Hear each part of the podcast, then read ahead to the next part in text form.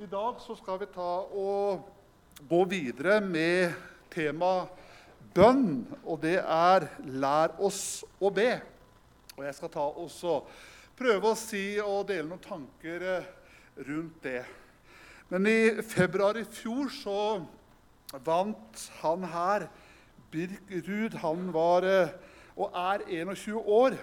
Og han tok et historisk OL-gull i Big Air. En helt ny OL-øvelse på friski. Han er en av, de, en av våre yngste gullvinnere gjennom tidene, og det var en fantastisk prestasjon. Men det som kanskje gjorde sterkest inntrykk på meg, det var da Birk feiret med hånda mot himmelen. Som en hyllest til sin far, som døde i kreft i fjor. Der han sier, 'Pappa, du er med meg', sa Birk. 'Han har formet meg sammen med mamma, og jeg har lært så mye av han, og jeg har blitt så inspirert av han'. En annen fantastisk utøver vi fikk se bli VM-konge i snøsport på Lillehammer i januar. Det er Jesper Saltvik Pedersen. Han vant eh, tre gull på, sit, på sittski i alpint. Og det er en fantastisk historie om en gutt på tross av lammelse i beina har blitt en av verdens beste idrettsutøvere. Bak den suksessen så står en familie og en støttende og selvoppfordrende far. Nettopp derfor så var det så hjerteskjærende når pappaen til Jesper døde av hjerteinfarkt for bare noen måneder siden. Det vi ser, det er at fedre betyr mye for livet vårt når de er til stede, og når de er nære, og når de er borte og ikke lenger hos oss. Denne relasjonen til pappaer betyr mye på godt og vondt. Og da er det kanskje ikke helt tilfeldig at Jesus den dagen disiplene spurte ham, 'Herre, lær oss å be', så begynte han med en av verdens mest kjente bønn. Det er vel verdens mest kjente bønn. Med å peke på nettopp akkurat denne viktige relasjonen med akkurat disse ordene Vår Far i himmelen.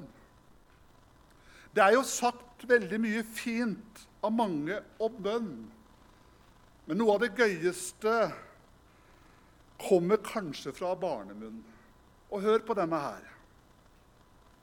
Man kan få forskjellige ting av Gud hvis man bare ber og maser. Men man må folde hendene og siden det er så langt opp til himmelen, så må man skrike ganske høyt. Det var Sofie på syv år. Og så er det da tale på syv år. Jeg liker å rope aftenbønnen min, for det irriterer faren min. Og så er det Andreas på syv år. Jeg ber til Gud, og da sier jeg, kjære Gud, ikke la søstera mi ta rotta på meg. Og så har du konfirmanten som ba, Fader vår, du som sitter på himmelen, la ditt navn holdes hellig, hemmelig. Sitatene de er hentet fra boka til Unni Lindell, 'Kjære Gud, jeg har det godt. Har du noe ull?' Disiplene til Jesus var godt vant med bønn. De var jøder og ba til faste tider hver dag, både hjemme og på gudstjeneste i tempelet og synagogen. De var vokst opp med bønn, og de visste hva bønn var. Og det gjør kanskje en del folk i dag også. Det sier seg at 18 eh, av nordmenn ber hver dag. Vi ber mer enn danskene og finnene. Undersøkelser viser at uh, halvparten av alle nordmenn ber innimellom. Det sier ganske mye, det. At det er mange som ber. Folk flest de uh, beskriver helt sikkert bønn forskjellig. Og Det store norske leksikon sier om at bønn er en samlebetegnelse for ulike former for kommunikasjon mellom mennesker og høyere makter. Bønn kan defineres som henvendelser fra mennesker til overnaturlige makter, guddommer, og den kan ha ulike formål, f.eks. For å oppnå noe eller takke og lovprise Gud. Bønner har en stor betydning for å sikre kulturell kontinuitet i et samfunn. Det å be synes å være et allment menneskelig behov og utgjør med få unntak et trekk i alle kulturer. Disiplene de hadde sine jødiske tradisjoner og bønner, og det var sikkert fint. Men etter en tid sammen med Jesus så har de sett noe som får dem til å bli nysgjerrige på Jesus og hans bønneliv. Det de har sett, det er at Jesus sitt bønneliv det handler om noe mye mer og noe helt annet enn å sikre sikre en kulturell kontinuitet i et samfunn. De hadde jo på en måte vært tett på Jesus og sett det som Matteus skriver om flere steder. At f.eks. når Jesus hadde mettet de 5000 foruten kvinner og barn, og kunne sikkert på en måte nytt den oppmerksomhet og på en måte blitt populær en stund. Men det Jesus gjør, det er han sender disiplene fra seg og går i stedet opp i fjellet, avsides for å være alene og be. Andre ganger, før han skulle ta viktige avgjørelser eller møte mange mennesker, så gikk han til et øde sted og ba. Altså Det vi ser, det er at bønn det var en viktig del av Jesu liv og tjeneste. Og Så forteller Lukas i sitt evangelium at disiplene kommer til Jesus og sier, 'Herre, hvordan skal vi be? Lær oss å be.' Og Jesus han kommer disiplene i møte. Og Matteus han gjengir sitt svar på deres lengsel etter å lære å be i bergprekenen i kapittel 6 i Matteus evangeliet. Her snakker han ikke bare om bønn, men han tar for seg viktige åndelige form, fromhetspraksisene i jødenes gudsliv. Og gi gaver til de fattige, bønn og faste. Og han sier på en måte grunnleggende at når du gir dine gaver til de fattige, når du ber og når du faster, så skal du ikke gjøre disse tingene for at andre skal legge merke til hvor åndelige du er. Dere som følger meg, skal gjøre det på en annerledes måte. Så den personlige bønnen skal skje når du er for deg sjøl, og far som ser i det skjulte, skal lønne deg. Og så sier han om bønn i vers 6 i Matteus evangeliet når dere ber, skal dere ikke ramse opp ord slik hedningene gjør, for de tror de blir bønnhørt ved å bruke mange ord. Vær ikke lik dem, for dere Og hør godt etter. For dere har en far som vet hva dere trenger, før dere ber ham.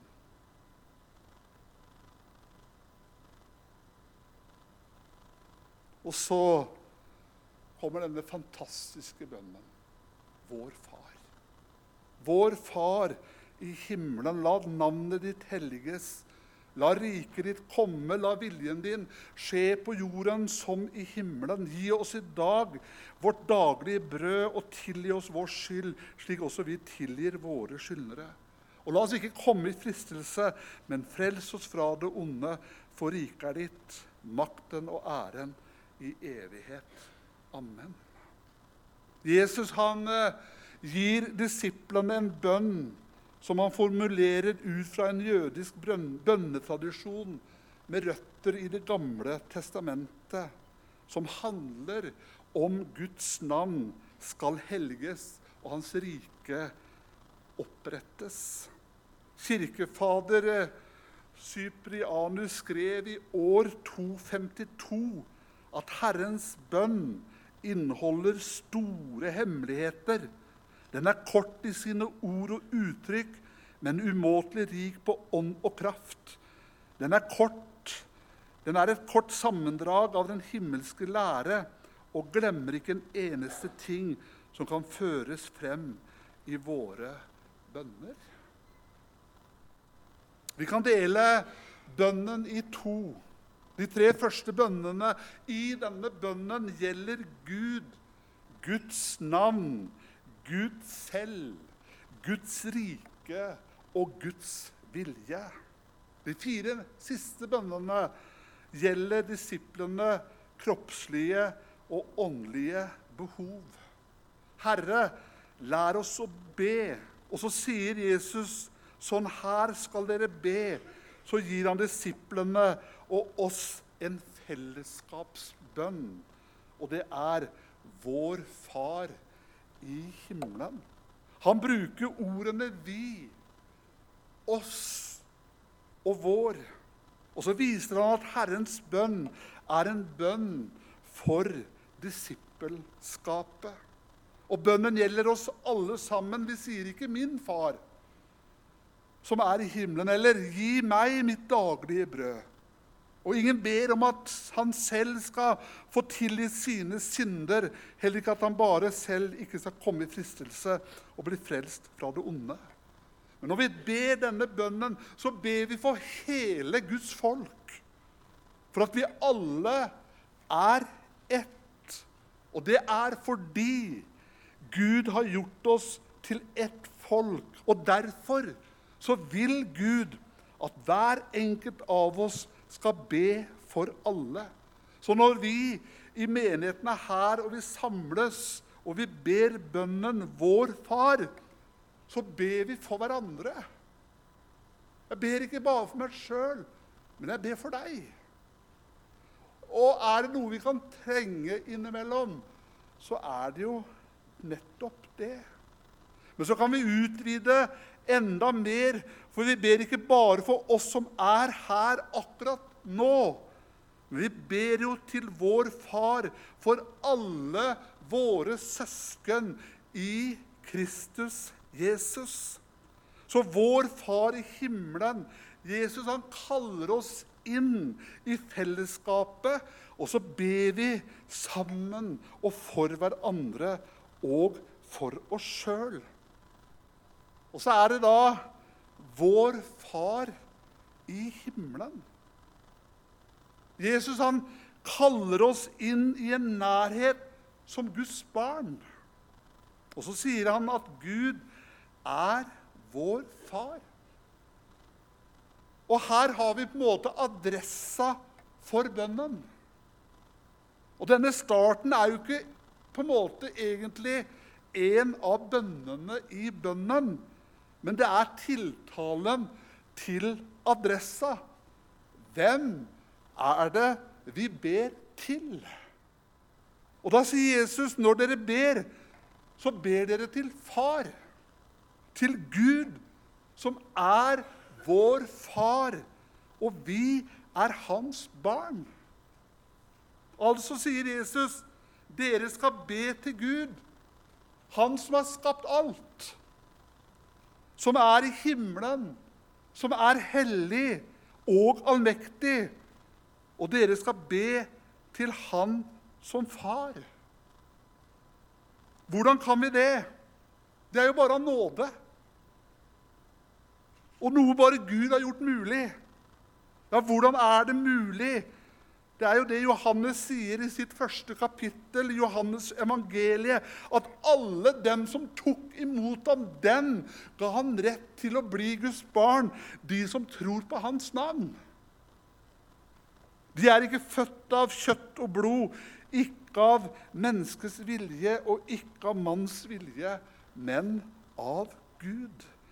Så når vi da oppdager at vi da er Guds barn, så sier Jesus da begynner dere bønnen med tilbedelse, med en holdning hvor vi takker Gud og bekjenner hva Gud er, når vi kaller Gud vår far i himmelen.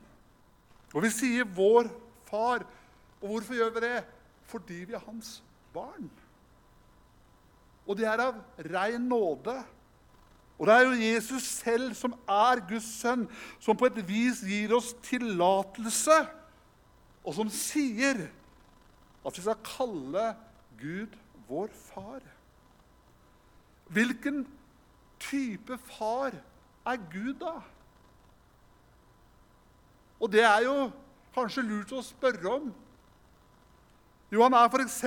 som den faren som Jesus forteller om i Lukas 15, som står hjemme og venter tålmodig på sin yngste sønn, som har gjort opprør og ønska at sin egen far var død, som har reist av gårde og kasta bort hele arven sin, og som har gjort alt mulig som han ikke burde gjort. Men Gud er en sånn far, som speider etter bortkomne sønner. Og når han ser han kommer luterygga hjemover med slepende bein, så løper sønnen sin i møte og klemmer han og lager fest. Fordi han som var fortapt, var kommet hjem igjen. En sånn type far er Gud. Jesus selv hadde en tett relasjon til sin far og ba ofte til sin himmelske far. Og det hadde jo disiplene sett og hørt. Vi ser det f.eks. når han ber for sine venner i Johannes 17, eller når vi ser Jesus be i Gesemane. På slutten av sitt liv, på sitt mest vanskeligste øyeblikk, full krise så ber han Min far. Min far. Er det mulig, så la dette begeret gå meg forbi. Når Paulus skal si noe om sitt forhold til Gud, så begynner han med hvordan det var før han møtte Kristus og ble født på ny. At det var som et slaveri under verdens grunnkrefter, eller som han var umyndig, og han levde i en ufrihet. Og så skriver Paulus i Galaterbrevet kapittel 4 vers 1-7. Men i tidens fylde så sendte Gud sin sønn, født av en kvinne og født under loven. Han skulle kjøpe fri dem som sto under loven, så vi kunne få retten til å være Guds barn. Fordi, dette, fordi dere er barn, så har Guds sønn sendt sin sønns ånd inn i våre hjerter. Og ånden roper 'Abba, far'. Derfor er du ikke lenger slave, men sønn. Og er du sønn, så er du en arving innsatt av For vi som nå altså har barnerett hos Gud, sier Paulus, vi har frihet, vi har trygghet, og vi har full arverett. Dette er utgangspunktet for hele bønnen 'Vår Far i himmelen'. I Jesu navn. Amen. Kjære Jesus, takk at du er her. Takk at vi kan få lov til å kalles dine barn. Og takk at vi kan få lov til å legge resten av denne gudstjenesten her i dine hender. I Jesu navn.